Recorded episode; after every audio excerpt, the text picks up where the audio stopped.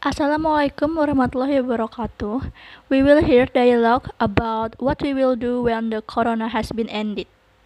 First of all, I will say Alhamdulillah to God for being given health to this day.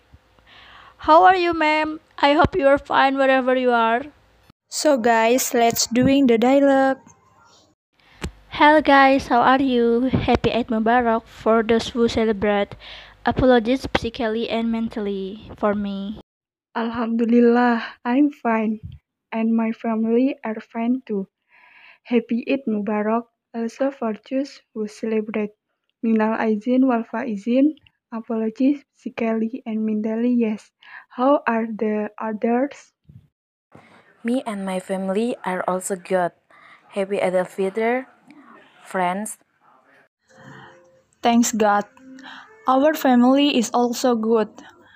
Minal Aidin wal Faizin apologies for being born and also friends. It doesn't feel like it's been a long time since we met. Of course, I miss going to campus. Yes, it's been a long time.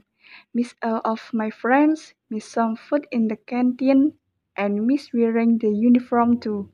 By the way, the uniform is still fits or not? Keep healthy, guys. I hope we meet as soon as possible. If it's a uniform, I hopefully it will still fit. Yes, friends, let's still keep up the spirit, guys. I hope this COVID virus will end soon and we can meet again. If the COVID virus is finished, what are you going to do? If I want to be able to go to college as usual, I can go to campus and traveling around Jogja again. I want to be able to gather with other friends, can vacation together. If I want to be able to go to challenge again, meet other friends. I want to be able to go to college, eat food in the canteen.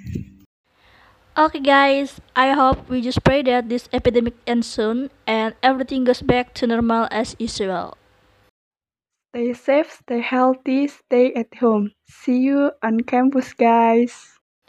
Hopefully, with this epidemic, we can all appreciate time with anyone because we sometimes forget about the people around because of our busy schedule.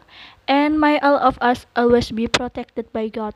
Thank you. Wassalamualaikum warahmatullahi wabarakatuh.